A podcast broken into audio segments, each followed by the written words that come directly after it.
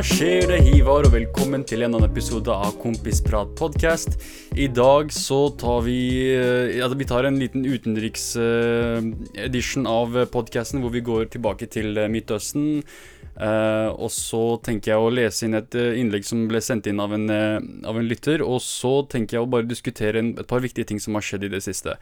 Men før, jeg vil, før, jeg går videre, så vil jeg bare uh, fortelle litt om Michael Brooks, som nylig, nylig døde. Um, Michael Brooks er en veldig sterk, progressiv journalist som har gjort veldig mye for for å informere folk om internasjonal politikk og gi et perspektiv som er veldig ærlig, som, som er veldig genuint og og, og ekte, da, kan, på, på, en måte. Det er, det er, veldig lite av det ellers i mediene, og spesielt når man har den type konkurransen som eh, Michael Brooks hadde, med tanke på andre nyhetsformidlere, så er det veldig, veldig spesielt at uh, ikke bare klarte han å skille seg ut, men han klarte å tilby et perspektiv som veldig, veldig få andre klarte å gjøre. Og han har, han har, definitivt påvirket meg og min, mitt politiske syn på en haug av saker. Hans show var, var, jo blant en av de eneste andre nyhetsshowene som jeg selv følger med på. Eh, jeg ser jo selvfølgelig på, på Secular Talk, jeg ser på uh, Sam Cedars sitt show, og Michael Brooks var definitivt en av de hvor jeg, hvor jeg liksom konstant ser hva Michael har å si om ethvert tema. For han hadde alltid det det, det, den samme ideologisk konsistente perspektivet på enhver nyhetssak. Og det jeg likte spesielt med Michael, er at han var villig til å snakke om temaer som veldig mange ellers ikke ville snakke om, da, som f.eks. det som skjedde i Jemen, det som skjer i Rojava med kurdere, det som skjer i Nord-Afrika, det, det, som uansett hvor det er, eh, så hadde Michael noe veldig viktig å si om det, og, og han klarte å bringe fram et budskap som, eh, som, som, har vært med på å for meg da formulere mitt eget syn på de situasjonene som skjer der nede. Um, og han hadde nylig et intervju med, med Brasils eh, det, det som person som, som, skulle bli Brasils eh, presidentleder. Uh, og det, det, virka, det virka som om Michael hadde Han hadde en veldig lys framtid foran seg. Så at han døde så ung det er litt Jeg kan fortsatt ikke tro det. Jeg kan fortsatt ikke tro at han er borte. Og det er veldig tungt. Det, det, det blir veldig vanskelig å på en måte navigere videre i fremtiden uten en person som Michael Brooks, som kan være der og på en måte veilede folk som, som meg, da, som er progressive, og som, som, har et ønske om å være ideologisk konsistent og, og virkelig uh, følge de prinsippene som, som jeg, jeg, påstår jeg vil følge, da som dette her med ærlighet, dette her med integritet. Dette med, med, med å, å, på en måte ville folks beste, da. Det, det er En person som Michael var veldig hjelpsom akkurat der. På, på, på en måte minne oss på uh, at, at, det er liksom Det er mennesker involvert i de tingene vi snakker om her, og at uh, det er menneskeliv som, uh, som er verdt å, å forbedre, da. og Michaels arbeid har, har har alltid vært nettopp dette, det å, det å, på en måte forbedre verden, gjøre verden til et bedre sted. Um, og det er noe jeg tenker på, spesielt nå som han har, han han, han har, gått vekk, så er det veldig så, så er det noe som veldig, veldig, ofte kommer tilbake til meg. Dette, dette med å ønske, ønske, å gjøre verden til et bedre sted. Og den, ja, den type energi som Michael uh, henta i debatten, da, den, det, det, kommer jeg virkelig til å savne. Uh, og det, det beste jeg kan gjøre uh, er, er, å bare fortsette det jeg gjør, er, er, å, er, å, på en måte gjøre mitt beste i å uh, formidle og, og, opplyse folk om ting som skjer i, i, internasjonal politikk. Da. Det er jo et, av de temaene jeg vil fokusere mest på her på den podkasten. Eh, men uh, ja, det, det, det, er i hvert fall det jeg ville først si om uh, Michael Brooks. Um, han har fortsatt veldig mye materiale der ute på YouTube, på podkast-plattformer, og han har en haug av shows og haug av intervjuer, og han har et veldig interessant perspektiv, så jeg anbefaler absolutt å, å, å, se litt på de intervjuene og, og, høre hva han har å si, Hør perspektivet hans. Um, ja, veldig intelligent dude, absolutt. Så la meg ta en kort pause, så kommer jeg tilbake for å snakke om nyheter.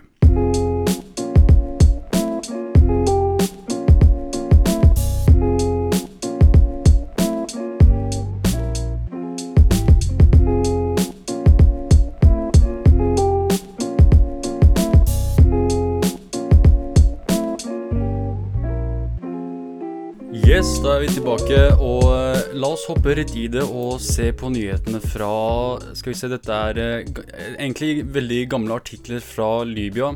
Men det er også nyhetssaker som vi ikke hører så mye om. Uh, vi har tidligere snakket om Norges del deltakelse i å overkaste Gaddafi og på en måte destabilisere Libya. Norge var jo med på bombekampanjen for å nettopp oppnå dette, dette resultatet, da. Og du kan si hva du vil om Gaddafi og hans regime, som man kaller det, men situasjonen vi har i dag, er ikke særlig bedre. Eh, så siden destabiliseringen så, så, vet vi jo at Libya på en måte blitt veldig På en måte Jeg vil ikke kalle det primitivt, for det er jo, det er jo fortsatt mennesker som, som, er, som, er, fra 2020. De, de har de samme, samme, teknologien som oss. Men det jeg heller mener, er at det er på en måte blitt så ustabilt at folk har begynt å, å å, å sette mindre verdi på menneskeliv og hverandre. Uh, det ser ut til å være mer, mer fokus på å tjene så mye, som, så mye, penger som mulig, enn det å på en måte prøve å bygge opp Libya igjen. da. Og veldig mange av disse ulike faksjonene som har tatt over ulike deler av Libya, har jo sine egne interesser og sine egne motivasjoner og ideologier. Um, men uh, det er jo bare å forvente. Det, det, samme så vi skje med Irak. Det samme så vi skje med Syria i en mindre grad. Uh, men der, der, var jo slik at Assad tok makten tilbake og fikk støtte fra, fra vestlige makter og Russland.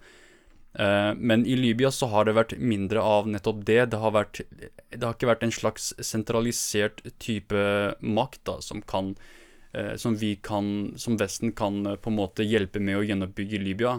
Slikt er det ikke der. der eh, hele Libya ble jo på en måte Det ble behandla på samme måte som Irak, minus det som kom etter. For i Irak så var det jo slik at USA prøvde i hvert fall å bygge opp landet igjen, mens i Libya så har det, har det vært mindre fokus på det. I stedet så har man slik at uh, ulike stater sender inn styrker for å opprettholde freden og opprettholde visse viktige porter, da, fordi Libya er jo veldig eh, et sånn ressursrikt land. Så det er veldig mye økonomiske interesser der som uh, mange andre stater er forsiktige med å, å, å sikre, da. enten det er snakk om olje eller gass eller hva enn det er. Men uh, det er jo et veldig stort land. Når, vi, når man snakker om Libya, de, de fleste av de sted, stedene som styrkene går til, og de, disse statene de, Stort sett så er interessen deres basert på kysten. Men Libya er jo så mye mer enn bare kysten. Det er, det er et veldig utrolig stort land. Uh, jeg, jeg tror ikke veldig mange nordmenn tenker på hvor stort Libya egentlig er, og hvor mange folk som bor der. og Uh, hvor, hvor, øde store deler av landet er. da. Så det er veldig vanskelig å kontrollere det som skjer der. Det er veldig vanskelig å ha en type um, oversikt over situasjonen der nede. Uh, og det som har uh, skjedd nylig da med denne, denne flyten, av, flyten, av, migranter og folk som oppsøker et bedre liv i Europa eller Amerika, så, så er det jo slik at veldig mange går nettopp gjennom Libya. Uh, mange av disse folka som kommer fra uh, deler av Afrika, selv noen i Midtøsten reiser gjennom Libya for å komme seg til Europa eller Amerika, eller hvor, enn det er de, de, vil komme seg til, da. Og når man har et slikt system, så er, det, så er det ikke uvanlig for de folka som er i makten i disse landene, enten det er Libya, hvor folk reiser gjennom, eller Tyrkia, så er det ikke uvanlig at uh, makten i disse landene på en måte bruker disse migrantene for å oppnå det de vil. Man ser jo I Tyrkia så har Erdogan på en måte brukt migrantene som en type ammunisjon mot Europa. Sånn, se på meg, hvis ikke dere gir meg det jeg vil, så kommer jeg til å sende alle disse millionvis av disse migrantene til å uh, Jeg kommer til å sende dem til Europa, og det vil på en måte destabilisere Europa. Det er det trusselen hans er. Og samtidig så Mens han holder Europa som eh, Mens han holder disse migrantene som en slags trussel, da, så har han drevet og ekspandert sørover inn mot Midtøsten, hvor han har på en måte drevet etnisk rensing av kurdere i Nord-Syria. Og flyttet inn uh, andre etniske folkegrupper da, som har nå bosatt seg der. og, og Uh, han har flytta masse, masse, masse, mange av disse migrantene og disse krigsflyktningene og asylsøkerne tilbake til Nord-Syria Så det er det han gjør. Og mot Irak så ser man at Erdogan driver og bomber eh, Nord-Irak og forsøker å implementere noe lignende der også. Så dette, dette er absolutt noe som eh, folk eh, Som vi, da, vi i Norge og USA og Storbritannia og Frankrike og Italia, alle disse landene bør gjøre noe med, men vi gjør ikke det. det er, vi kan ikke si så mye om Tyrkia. Og Tyrkia er også et, av de landene som har sendt styrker inn til Libya. Og sånn historisk, historisk, så har jo Libya vært en del av det ottomanske riket, så jeg skjønner at Erdogan på en måte har, har, ambisjoner om å på en måte etablere seg i Libya også. Han har jo Man kan jo si at Erdogan har på en måte Han har fått den der diktator, diktator, diktatorsyken som veldig mange presidenter og ledere i Midtøsten får hvor de kommer i makten, og så tror de at de er den neste sultanen, de er den neste kalifen, de er den neste sånn eh, verdenslederen, da. Og det er, det er, virkelig en sykdom. Det er, det er noe som, eh, som, som som, er veldig vanskelig å kvitte seg med, spesielt i Tyrkia. Og i Tyrkia er det jo Man har jo hatt i grunnloven metoder og redskaper som skal hindre slike ting, men det, det, det, har ikke alltid fungert. Um, som i Tidligere så har man hatt den, denne militærkuppet til å på en måte fjerne ledere som blir for diktatoriske. Og man prøvde noe samme med Erdogan, men uh, der så gikk militærkuppet så bra, så Erdogan slapp unna på en måte, da. Um, uh, men i hvert fall, han har jo på en måte sendt styrker inn til Libya også. Og greia med Libya er at ja, alle fokuserer på å på en måte sikre landet og sikre ressursene og sikre økonomien, men det som ikke blir sikret, er migrantene. Så på samme måte hvor, hvor Tyrkia misbruker sine migranter til å oppnå sine mål, så har uh, disse krigsherrene og disse ulike faksjonene i Libya gjort det samme med migranter fra hele Afrika og Midtøsten. Så hva er det jeg snakker om her med at, med at de på en måte har misbrukt? Jo, er, jeg snakker om slaveri her. De driver og tar disse migrantene til fange, behandler dem som dyr og selger dem som slaver. Uh, og dette er, uh, det, det, er liksom helt brutale tilstander. Uh, sånn, dette er en person som heter Sunday Laborat. Som er Iaborat, sorry. Han er 32 år, og han har liksom fått hele fjeset sitt uh, brent med en, et, sånn, et, et, et treer, en treer for å markere han som, som en vare, framfor som, som en menneske da, som på en måte håpet på et bedre liv. Så nå, nå ble han på en måte solgt som en slave. Um, ifølge Time, Time, Magazine her, så er det slik at Yaborat er blant uh, det man mener er 650 000 menn og kvinner som har eh, krysset Sahara-ørkenen de siste fem årene for å komme seg til Europa i håp om, et bedre liv. Eh, mange av de flykter fra krig, mange av de flykter fra, eh, fra forfølging, statlig forfølging. Det er veldig mye mangel, veldig stor mangel på menneskerettigheter og, og, demokratiske rettigheter i mange av disse landene, så det er, det er, gir mening at folk flykter. Eh, mange, som, eh, som Iaborat her, har eh, flykta fra sine landsbyer hvor eh, økonomien på en måte har vært veldig, veldig dysfunksjonell, kan man kalle det. Og naturkatastrofer har på en måte gjort det umulig å finne mat, og umulig å, å finne seg en jobb også. Så mange tar disse, disse lange reisene gjennom Sahara-ørkenen i håp om at en dag så vil de kunne leve et uh, Ikke nødvendigvis komfortabelt liv, men et, et, et, et verdig liv. Sånn, som, som, et liv som, uh, som uh, er verdt å leve, da. Og det er ganske brutalt at de kommer til hele veien til, til Libya i håp om å komme til, til, Europa, og så blir de tatt til fange av disse krigsherrene og solgt som slaver. og selvfølgelig så har, man, så har man det slik at menn blir solgt som slaver for å på en måte jobbe alt det der, mens kvinner blir solgt som slaver som, som uh, prostituerte, da, som sexarbeidere. De blir tvunget til å gjøre det. Um, og veldig mange blir også bare tatt livet av. Det er, det er, eh, det, det er som sagt De, de setter veldig lite uh, verdi på menneskelivet her, da. Det er, det ganske brutalt måten det, ikke bare er det så utrolig mange folk, men at uh, det fortsatt er veldig, veldig lite diskusjon om hvordan vi kan håndtere dette problemet her i Vesten. Um, uh, Og jeg, jeg, jeg, kan virkelig ikke se for meg at uh, norske medier skriver om dette her. Det, det, det, jo, det, jo, blir jo nevnt her og der, men det er veldig lite diskusjon blant politikerne da, om hva, hva, vi kan gjøre for å fikse dette problemet. For det er absolutt noe vi var med på å, å, årsa, å, si årsake, på å forårsake. Norge var jo som sagt med på bombekampanjen mot uh, Gaddafi. Vi var med på å bombe libyske byer. Så dermed, jeg som skattebetaler, jeg som norsk statsborger, jeg som deltakende borger i demokratien Jeg setter ikke pris på at vi gjorde dette her. Og jeg mener Igjen, det blir veldig personlig mening her. Jeg mener at uh, dette er absolutt noe norske politikere bør fokusere seg på, bør gjøre noe med. Hvordan kan vi forhindre at disse tilstandene finner sted i Libya? Hva kan vi gjøre for å forbedre det? Uh, det blir veldig vanskelig. Det, det, er, det er, veldig vanskelig, men uh, det, det, er ingen som sa at det vil bli lett heller. Men det som virka veldig lett for norske politikere, da, var å nettopp delta i denne bombingen. Det, det skulle ikke så mye debatt og diskusjon til for å gjøre, men eh, tydeligvis så kreves det veldig mye mer debatt for å nettopp gjøre, gjøre noe med, med, slaverihandelen i Libya. Uh, skal vi se her uh, Over 150 000 folk har krysset Middelhavet fra Libya. Så det er veldig mange folk som nettopp tar denne ruten. Ikke nødvendigvis gjennom Tyrkia, men gjennom, gjennom Libya også. og fire år i rad nå så har 3000 flyktninger dødd av dødd pga. denne reisen over Middelhavet. Så 3000 folk har liksom mista livet i Middelhavet.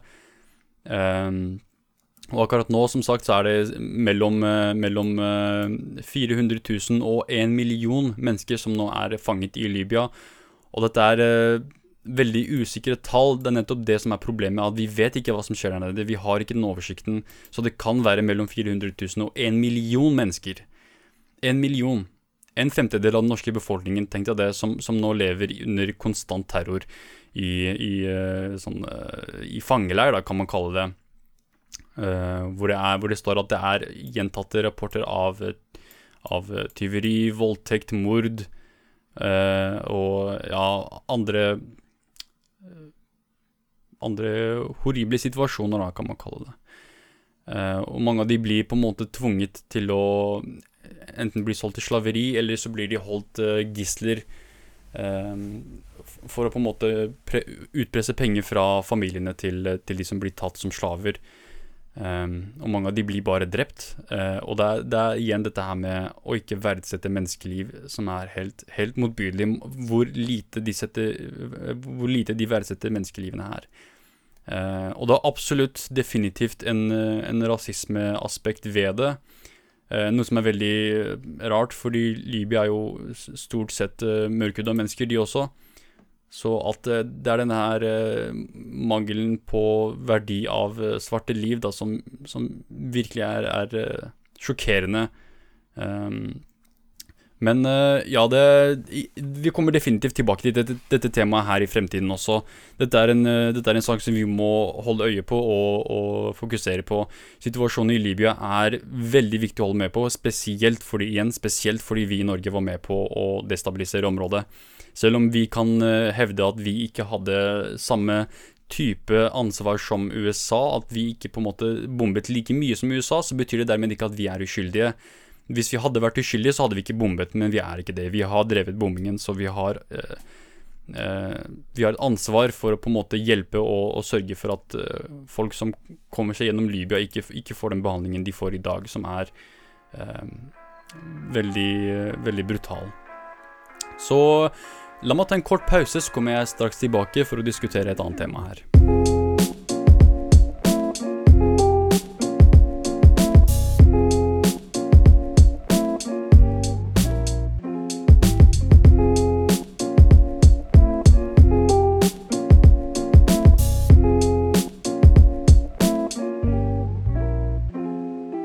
Yes, da er jeg tilbake, og denne neste saken jeg har uh, tenkt å diskutere her, er veldig mørk og veldig brutal.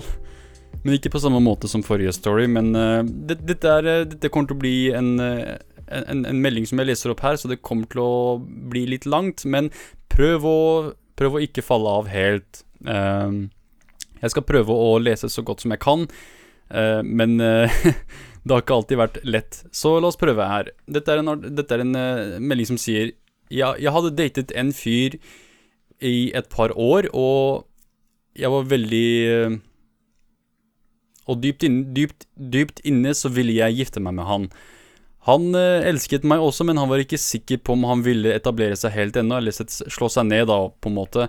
Vi var begge klare for å slå oss ned og bruke resten av livet vårt sammen. Vent litt, du sa nettopp at han ikke var klar, sikker på det, men du sier at dere var det?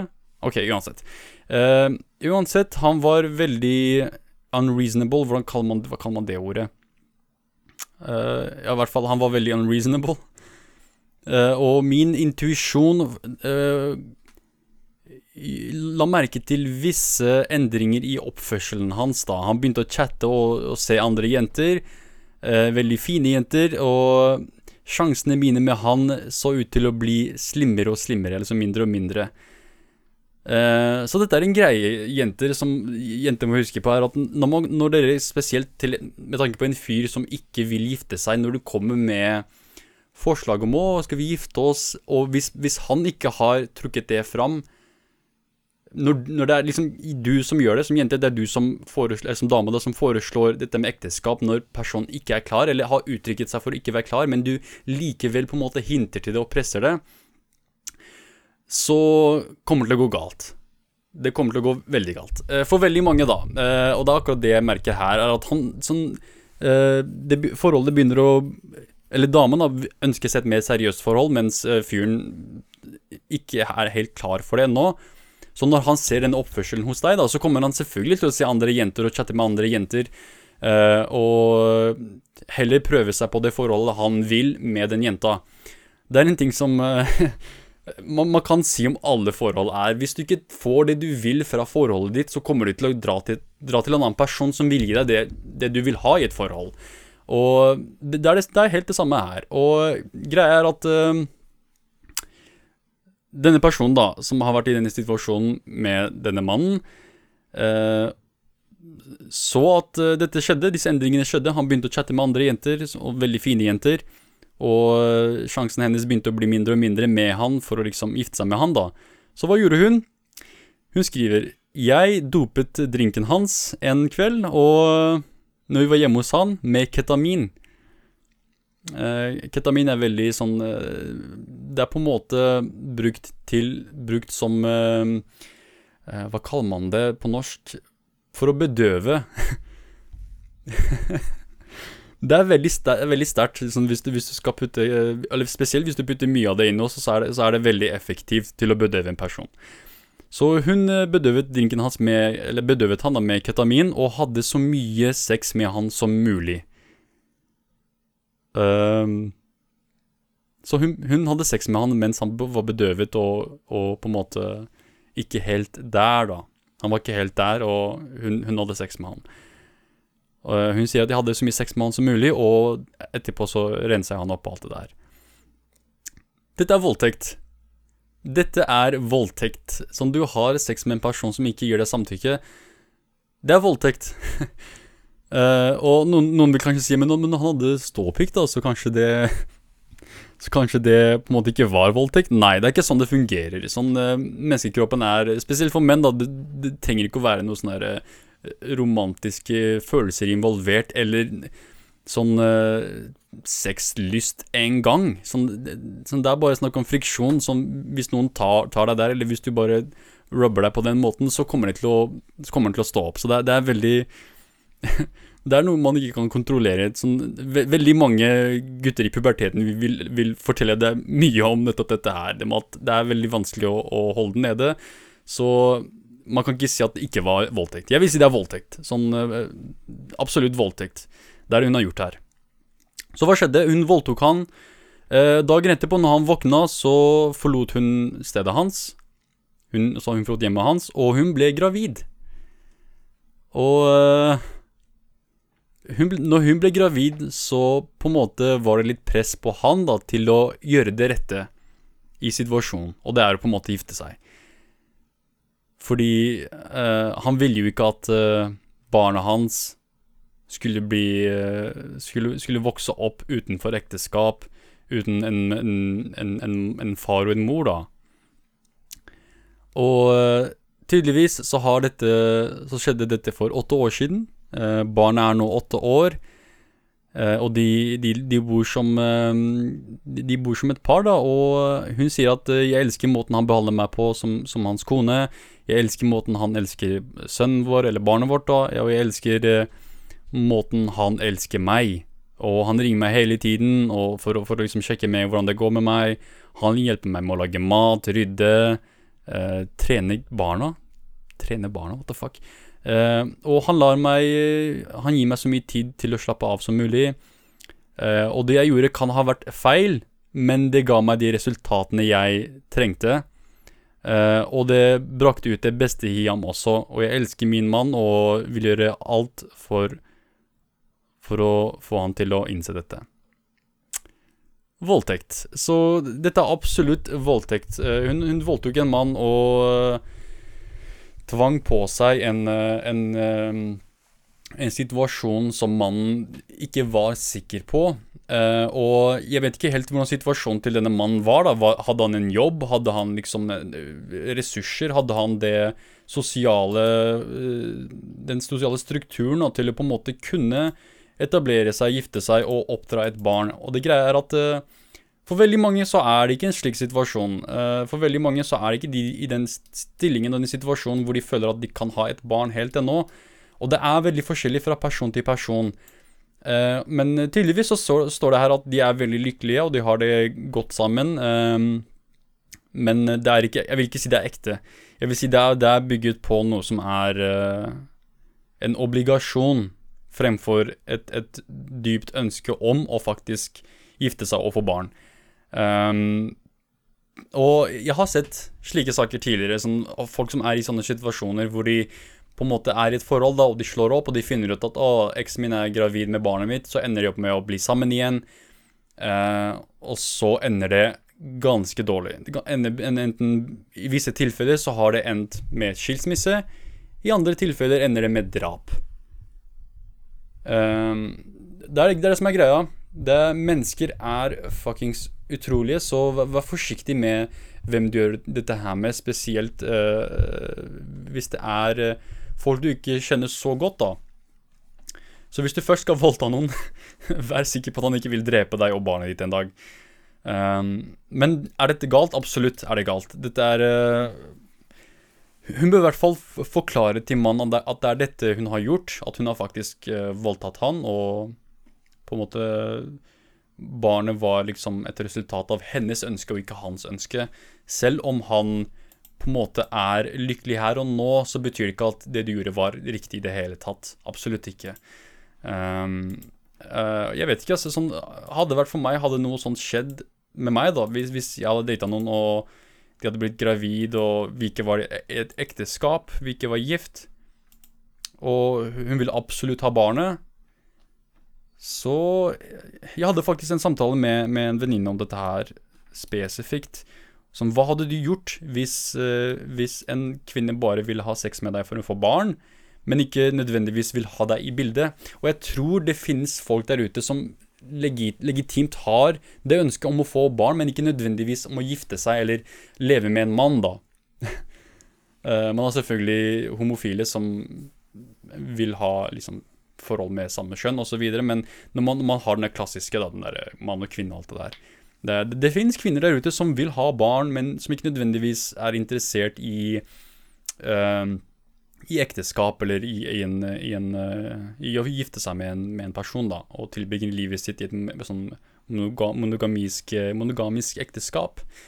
Uh, og etter min mening så er det der man har adopsjon, det, er, det finnes veldig mange foreldreløse barn der ute. Det finnes veldig mange foreldreløse barn internasjonalt. Det er, det det jeg holdt på å si det veldig, det er veldig stort utvalg. Men det er veldig mange folk der ute som du kan uh, forbedre livet til. Hvorfor må det absolutt være liksom, dine gener? Hvorfor må du absolutt uh, på en måte dra inn en annen person i din fantasi om hvordan livet ditt bør være. For hvem vet, denne personen her kunne gått videre til å bli eh, noe den personen virkelig ville. da. Tenk om personen hadde ambisjoner, men må på en måte legge fra seg alle disse ambisjonene for å nettopp ta vare på kona si og barnet sitt. Eh, dette er også en, en, en, en, erfaring jeg har kommet borti veldig ofte. Veldig mange folk som på en måte hadde drømmer om å bli rockestjerner, folk som hadde drømmer om å bli artister, folk som hadde drømmer om å på en måte bli suksessfulle som bare det. Og så får de barn og familie, og så må de etablere seg, og så må de på en måte slå seg ned, da. Og da gir de fra seg alle drømmene sine, og, og lever et liv som, som, egentlig ikke er det livet de ville leve, da. Uh, og det skjer. Det skjer absolutt. Så spesielt for sånn ungdom der ute som er i, sånn, i, i 20-årene, eller til og med 18-19-årene, som har sex, og blir gravide og får barn. Det er, det er Jeg vet mange av de som når de først får barnet sitt, så er de lykkelige og er glad i barnet sitt. Absolutt alle foreldre er jo glad i barnet sitt, så å si.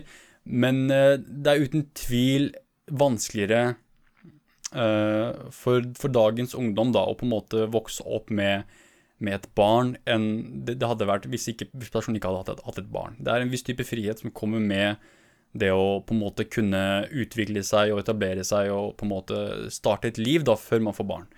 Um, og igjen, jeg vet ikke hvilken situasjon mannen man til hun dama her var i, men uh, det, det, har, det, har, ikke noe å si. Det er fortsatt uh, Man skal respektere ønskene til partneren sin.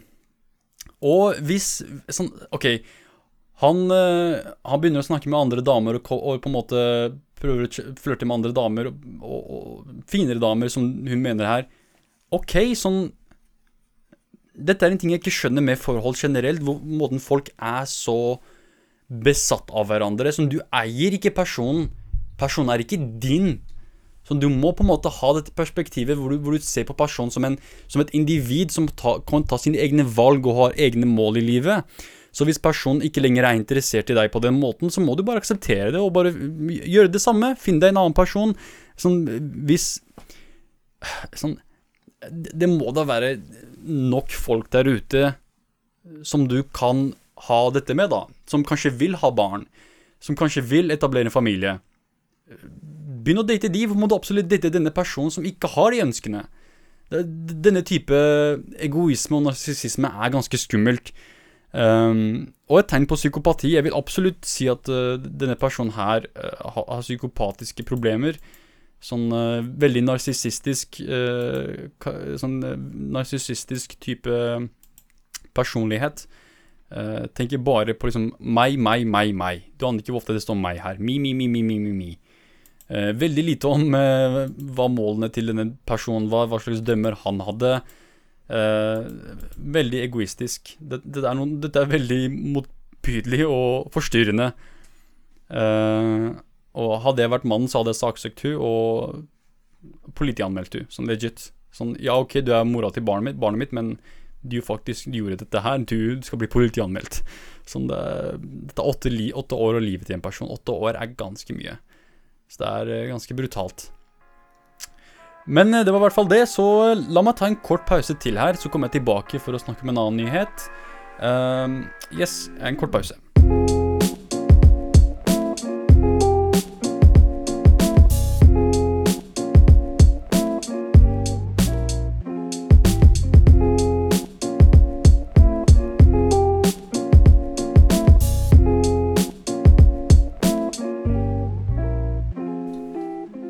Da er jeg tilbake, og nå tenker jeg vi kan gå over til å snakke om uh, situasjonen i Midtøsten.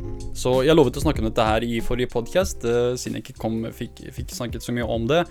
Men uh, før jeg begynner med det, så tenker jeg det er greit å tydeliggjøre hva som skjedde med Kanye West. Så han hadde erklært sitt, sin kandidatur for USAs president i 2020. Og så viste det seg at eh, det var litt for seint til å registrere seg på visse delstater, da, og det ville gjøre, det ville gjøre sjansene hans veldig vanskeligere. Så mange kom ut og sa at nå, nå har han trukket seg. Altså at han har trukket seg fra valget. Og så var det artikler som sa nei, han har tydeligvis ikke gjort det. Han har tydeligvis fortsatt med. Og så nå kommer han med en tweet som sier at vet du hva, jeg skal bare fokusere på musikken min. Som var rådet mitt i begynnelsen, fokuser på musikken din, hold deg til musikk, det er det du er flink i. Sånn, ikke, ikke, ikke blande inn i politikken, det vil du ikke. Folk kommer til å hate deg. Og jeg tror, basert på Sånn, igjen, du kan ikke si noe om Kanye uten å liksom på en måte si Men kanskje ikke. For greia med Kanye er at han kan endre mening sånn. Og jeg tror det legit er et, et, sånn, et, et mentalt problem han har. Jeg tror virkelig han sliter med uh, sånn dyp bipolare bipolare lidelser, da, og, og, på en måte sliter med depresjon og, og, alt det der. Så jeg håper virkelig han får hjelp. Jeg, jeg, jeg elsker Kanye. Jeg elsker musikken hans. Jeg vil ikke at han skal, han skal liksom på en måte bli den personen han har blitt nå, som er ganske, ganske trist. Sånn, dette var en av, en av mine hiphop-helter. Så ser jeg sånn, det er, det, dette liksom er som er situasjonen hans. Det er veldig trist. Uh, han, har, han har ikke så bra musikk, yo. Han lager så bra musikk. Hold deg til musikken, bro. Hvorfor skal du blande deg inn i politikken? Uh, men jeg, jeg, tror tydeligvis for, for, nå da så ser det ut til at han ikke lenger er kandidat. Og jeg tror jeg, jeg skal slutte å ta han seriøst. Um, kanskje for 20, 2024, men jeg, jeg tviler, jeg, tviler på det også. Jeg tror han først og fremst bør få hjelp. Og alle folka som er rundt han da, istedenfor å si ja, ja, ja til alt han, han spør om, he, prøv heller å, å, å, på en måte hjelpe han. Fyren sliter. Og det er så tydelig at han sliter, og det er veldig trist. Det er veldig trist å se liksom et av dine hiphop-helter liksom havne på det nivået hvor han er nå, da. Jeg blir litt sånn, sånn bekymra, da. Uh, men tilbake til Midtøsten. Uh, la meg bare ta en uh, sipp av kaffen min her. skal vi se her Kald kaffe. Ja, det er ikke så ille. Ikke så ille. Uh, men i hvert fall, hvor var vi? Jo, uh, Midtøsten. Så greia er at uh, Jeg nevnte det her litt kjapt i diskusjonen om Libya, men greia er at Tyrkia har nå startet en militærkampanje i Nord-Irak, og som er på en måte grensa til sørøst-Tyrkia. Du kan se for deg Tyrkia som en pølse. Og på den eh, sørøstlige delen av pølsa så har du kurderne. En stor andel av kurdere. Faktisk så er det slik at det er der de fleste kurdere bor. Det er flere millioner kurdere som bor i Tyrkia bare. Og alle kurdere i enhver eh, region, da, i Iran, Irak, Syria, Tyrkia, har på en måte hatt sin egen eh, konflikt med, med statsmaktene i det landet de er en del av. Så greier at kurdere er det er jo omtrent 50 millioner folk. Sånn, Opptil 50 millioner, man vet, man vet, ikke helt nøyaktig, men det er opptil 50 millioner folk i Midtøsten. Og hadde de vært eh, Hadde man på en måte tegnet et kart rundt uh, der kurdere bor, der det er liksom er majoritetsfolk Hvor majoriteten av befolkningen er kurdere, så hadde man hatt en, en kurdisk stat, og den hadde vært på størrelse med Frankrike. Det hadde vært en veldig stor stat. Eh, men det har seg slik at Kurdistan er på en måte delt i fire biter, da, eller fem biter, da, spørs du, hvilket kart du ser på. Eh, det er blitt delt i biter hvor de på en måte eh, fungerer som minoritet i alle de fire landene de er splitta mellom. De fem landene de er splitta mellom. Mange vil si Armenia også, det er veldig mange kurdere som bor der også. Uh, men i hvert fall, det, er liksom, det er det situasjonen til kurdere er. da, De er på en måte minoriteter i alle de landene. Og greia med Midtøsten er at de har en veldig blodig og, og brutal historie. Og uh, når man har uh, et folk som kurdere, da, som er veldig stolte over sin identitet og sin kultur, og er veldig forskjellige fra arabere, forskjellige fra tyrkere, forskjellige fra persere, fra armenere um, så, så, har man jo denne identiteten da, som man vil beholde. Og greia med Tyrkia er at de vil ikke ha et, et, mangfold av identiteter i landet sitt. De vil ha tyrkere. De vil at alle skal være tyrkere. Mange har jo gått så, så langt som å kalle kurdere for fjelltyrkere. Det er det de er. Fjelltyrkere. De er ikke kurdere. De er ikke et folk som har hatt sin egen historie i tusenvis av år. Det er, de er fjelltyrkere. Um, og det er dette synet da som har på en måte gjort at veldig mange kurdere i, i Nord-Tyrkia, eller i, i, eh, i Nord-Kurdistan, som er Sørøst-Tyrkia, eh, har på en måte protestert og demonstrert og krevd rettigheter, og det har ikke, det har ikke fungert. Det har, det har fungert veldig dårlig. De har alltid blitt slått hardt ned på, og den, eh, den konflikten og den, den, eh, strevelsen etter demokratiske rettigheter foregår selv i dag. Du vil fortsatt finne kurdere ute i gatene som demonstrerer, protesterer mot, uh, mot Erdogans regime og prøver å på en måte um, øke rettighetene til kurdere og, og, gi kurdere litt mer frihet enn det de, de har i dag, da. Uh, så du har de. Men du har også de militante demonstrantene, eller de, de militante opposisjonsstyrkene, da. Og med det mener jeg eh, Kurdistans Worker Party, PKK, som er en eh, slags marxistisk, kommunistisk, eh, sosialistisk, libertarianistisk, faktisk, eh, organisasjon som har som mål å på en måte etablere en kurdisk stat Eh, altså på en måte å løsrive den kurdiske delen av Tyrkia fra Tyrkia og gjøre Kurdistan selvstendig. Eh, og det er et veldig, sånn, veldig seriøst, eh, en veldig seriøs situasjon for tyrkere. da. Så Tyrkia har på en måte siden 80-tallet kjempet hardt imot PKK. Det er der jeg tror kjernen av eh, dagens konflikt mellom kurdere og tyrkiske, de tyrkiske myndighetene er. Nettopp denne konflikten mellom, eh, mellom eh, PKK og tyrkiske myndigheter. Og PKK har på en måte blitt brukt som en slags unnskyldning for eh, Tyrkia til å drive en haug av kampanjer i Syria. Uh, liksom på en måte ved å si at å, vi vil ikke at uh, Rojava skal bli selvstendig, og disse kurderne i Syria skal bli selvstendige, fordi de har innflytelse fra PKK, og PKK er våre fiender. Og hvis de på en måte etablerer et selvstendig Rojava, så kan uh, Rojava bli på en måte en, en, en, en stat hvor, Tyrk, hvor, PKK kan sende masse bomber og angrep mot Tyrkia over grensa. Fordi Rojava grenser til Tyrkia, mellom Tyrkia og Syria og Nord-Irak. Um, så Tyrkia drev med denne kampanjen i Nord-Syria på en måte for å drive etnisk rensing over grensene sine. Sånn at uh, rundt hele grensen uh, der, der, der, det tidligere var kurdere, da, er nå på en måte blitt arabifiserte og, og blitt uh, det har blitt flytta inn folk som er fra helt andre deler av Syria, eller helt andre deler av Midtøsten, da, for å liksom på, en måte etablere seg der da, og ta over området og, og fjerne kurdere fra området. Uh, og den samme situasjonen har nå startet i Nord-Irak. Og greia er at jeg er fra Nord-Irak. Og denne bombekampanjen som de driver med, det, det er der fetterne mine bor. Det er der uh, onklene mine bor, det er der tantene mine bor, det er der liksom uh, bestefar henger og går på tur og uh, sånn. det, det, det, er der folka mine er, da. Så det er litt, litt personlig for meg, da, måten, måten Tyrkia driver denne kampanjen på. Og det er ikke, det, dette er ikke noe nytt. Det er absolutt ikke noe nytt. Det, at Tyrkia kan trekke seg inn i Syria, det er jo, det er jo egentlig en, en, en skandale. Det, det, burde ikke eksistert, denne, denne situasjonen burde ikke eksistert i det hele tatt. Men dessverre så er det ingen som har gjort noe med det internasjonalt. Det er, det er veldig mange som har sagt nå, slutt med det, men det er, ikke, det er, ikke, så mye som har blitt gjort for å stoppe det. Uh, og i Nord-Irak så, så, skjer det samme, men grunnen til at ingen har reagert her også, er fordi denne grensekryssingen som Tyrkia driver med, er faktisk lovlig, basert på irakiske og tyrkiske lover.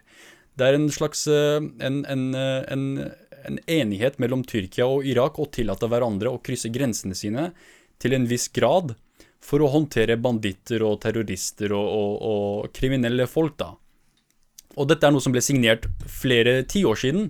Sånn lenge før kurdere Lenge før PKK ble etablert, lenge før eh, kurderne hadde sine, sine flere revolusjoner på 70-tallet, 60-tallet. Dette er noe som går tilbake veldig lenge. Og hensikten var selvfølgelig å undertrykke kurdere. Um, hvorfor skal irakiske regjeringen i Basra og Bagdad bry seg om banditter som er i Nord-Irak, som er liksom kurdere? Og hvorfor skal tyrkere, som på en måte stort sett holde seg til andre deler av Tyrkia, bry seg om banditter som er i Sør-Øst-Tyrkia, som bare er fullt av kurdere? Så det er kurdernes problem, egentlig, men de bruker det som en unnskyldning for å på en måte undertrykke kurderne ved å, ved å på en måte eh, slå ned på kurdere hver gang kurdere starter en revolusjon eller driver opprør. Um, og akkurat nå, uh, de, de bombingkampanjene, den, disse, alle disse basestasjonene som de har bygget opp eh, langs grensen i Nord-Irak eh, man, man, har hatt bombekampanjer tidligere fordi, fordi, Tyrkia mener at PKK, som, som vil ha selvstendig Kurdistan i Tyrkia tydeligvis finner, finner sted i, i Irak. De er i Irak. Sånn, vent nå litt. Er ikke hele hensikten med PKK er at de vil på en måte ha demokratiske rettigheter for kurdere i Tyrkia, men de er i Irak, så dermed så vil Tyrkia angripe Irak. Angripe kurdere i Irak, fordi det, det, er der Det er kun der PKK er. De er ikke i, i, i den store delen av, av, av Tyrkia. Så jeg tror hvis du putter Syria, Irak og store deler av uh, iranske Kurdistan, så vil det fortsatt ikke sammenlignes med hvor stort den kurdiske delen av Tyrkia er. Så det er Det bør være langt mer fokus på PKK i Tyrkia, men likevel, for en eller annen rar grunn, så har Tyrkia valgt å fokusere seg bare på nordirakiske grensen. Og greia er at uh, Kurdistan i Irak er jo på en måte den mest uh, De som har hatt størst framskritt, de som faktisk har oppnådd det mange kurdere vil oppnå. De har en slags type selvstendighet som er uh, Som har alltid vært kurdernes drøm. Det er selvfølgelig ikke 100 autonomt. Man hadde jo det valget for selvstendighet nå nylig som ble på en måte avvist av hele det internasjonale samfunnet. 99, liksom, over 90% av kurdere i Nord-Irak mente at de ville ha selvstendig Kurdistan. Og svaret til hele verden var en stor, stor stor fuck you-finger til kurderne. Sånn 'Å, du vil ha selvstendighet?' Hm, synd for deg, det får du ikke. Um, så tyrkere ser på dette som en trussel. De ser at dette er en trussel, at på en måte kurdere vil ha en autonom, fullstend, fullstendig selvstendighet i Nord-Irak. De ser på det som en stru, stor trussel. Så det de gjør nå, denne bombekampanjen, da, som de påstår er en metode for å, for å finne PKK-folk, er etter min mening ikke noe annet enn en, en, uh, en, erklæring på krig mot Nord-Kurdistan. Eh, mot um, Nord-Irak, beklager. Og eh, greia er at eh, kurderne som bor der, det er ikke mye de kan gjøre. Sør så, du, så har du Irak, som er stort sett arabere, som ikke hadde hatt noe imot å se kurdere slakta sånn helt, og slik at de dermed kan ta over gassressursene Uh, og så i mot vest så har du perserne som driver med torturering og fengsling av kurdere daglig, og henger de og faktisk slakter de daglig. Det, det finner sted. Og i Syria så har du selvfølgelig den destabiliserte situasjonen, og der har du også Tyrkia, og samtidig eh, islamistiske terrorister da, som på en måte hater kurdere like mye som Tyrkia hater kurdere. Og mot nord så har du selvfølgelig den tyrkiske regjeringen. Så kurderne kan De er liksom omringet av sine fiender, så å si. Uh, selv om ikke alle arabere er kurderes fiender, og ikke, ikke, alle persere eller alle tyrkere er eller syrere er kurderes fiender, så er det, det er ikke det jeg snakker om her. Jeg har selvfølgelig venner som er tyrkere, som jeg er utrolig glad i. Og sammen med persere, sånn, ja, persiske venner som jeg setter stor pris på og respekterer veldig mye. Um, jeg har ikke så mange irakiske venner, eller, uh, syr eller, syriske har jeg noen også, der også, faktisk. Så det, det er ikke snakk om folket. Jeg er veldig glad i folket. Det er, det er liksom til en grad mitt blod. Det, vi er Midtøsten alle sammen, så jeg, jeg, har stor respekt og kjærlighet for dem. Men eh, politisk så er, det, så er det kurderes fiender. Sånn politisk med tanke på hva, hva kurdere vil oppnå, og hva disse statene heller vil oppnå, så er det kurdiske fiender. Så det er veldig trist måten, måten på en måte Nord-Irak blir bombardert av Tyrkia, og hele verden er liksom helt stille. Jeg sier ingenting imot det. De har ingenting imot det. Og spesielt er det motbydelig at uh, ingen i Norge snakker om det. Norge har jo store økonomiske interesser i Kurdistan. Uh, Norge er jo blant en av de, de, de landene som har eh, vært mest produktiv i å, i å, på en måte bygge infrastruktur for å, å suge opp olje i Kurdistan eh, nordmenn har liksom stor, stor innflytelse på kurdisk økonomi. Og er en, vi er veldig viktige allierte. Norge og, Kurdistan i Irak er jo de er allierte. De, er, de, de hjelper jo hverandre økonomisk og har store, igjen store interesser eh, eh, mellom hverandre. Men likevel så er det veldig lite om, eh, om denne bombekampanjen mot eh, Nord-Irak i, i, mediene. Eh, du kan skylde på at eh, at uh, det er litt for langt unna. Du kan skylde på at uh, det ikke er nok ressurser for å ha uh, reportere der nede. Du kan skylde på en haug av ting som, som, på en måte kan rettferdiggjøre mangelen på reportasje av nettopp dette her. Men jeg vil mene at det bare følger en vanlig trend som, som man har sett gjennom, gjennom, tidene når det kommer til kurdere, og det er uh, det at folk gir blanke faen. De, de gir faen i hva som skjer med kurdere. Kurdere kan godt dø. Det er det, er det perspektivet jeg Det er den, det er den type uh, syn jeg ser da i, blant, blant, veldig mange folk er uh, Ja ja, kurdere dør, ja ja, som whatever. Sånn alle disse sånn selv, selv, på Facebook, når du ser disse kommentarfeltene uh, det, de, er veldig, De er veldig fiendtlige mot kurderne. Og jeg, jeg, skjønner virkelig ikke hvor det kommer fra. Det eneste kurderne har bedt om i 100 år, er kan vi være så snill å ha våre egne grenser og ha vår egen stat. Og som svar så kommer alle og sier liksom la oss, la oss drepe dem. La oss ta livet av dem. Uh, og jeg blir deprimert av det. jeg blir veldig trist av, å tenke på at det, det, er den situasjonen mitt folk lever i, da. Og for meg så, så blir det vanskeligere på en måte kom, fullstendig integrere meg i det norske samfunnet når jeg, når jeg vet at jeg har kurdiske røtter, uh, og, jeg, og jeg, jeg, skjønner at folket mitt liksom lider så mye som de gjør, så blir det vanskelig for meg å på en måte fullstendig integrere meg i det norske samfunnet. Uh, for, jeg, for jeg, ser at uh, at, at på en måte det er, det, dette er folk som trenger hjelp, og jeg vil helst på en måte dedikere livet mitt til å på en måte gjøre noe, gjøre noe for kurderne, da. absolutt. Men uh, igjen, mediene vil ikke, de vil, de vil, ikke gjøre noe særlig med dette her. De, de, vil ikke snakke om dette her, de, ikke, de bryr seg ikke. Og det er litt trist, fordi kurderne var jo de som på en måte var sentrale i kampen mot IS. Uten kurderne så hadde IS definitivt vært mye sterkere enn det de var. De hadde aldri blitt beseiret. Aldri. Det er kurderne som var bakkestyrkene. Når IS først dukka opp, hva var det irakiske myndighetene gjorde? De flykta. De rømte. Hva var det kurderne gjorde? De tok opp våpenet og kjempet tilbake. Hvem var det de kom, eh, kom til for hjelp når, når, IS først var beseiret, og når de endelig trengte å fullstendig beseire de i, Iraka? De kom til kurderne.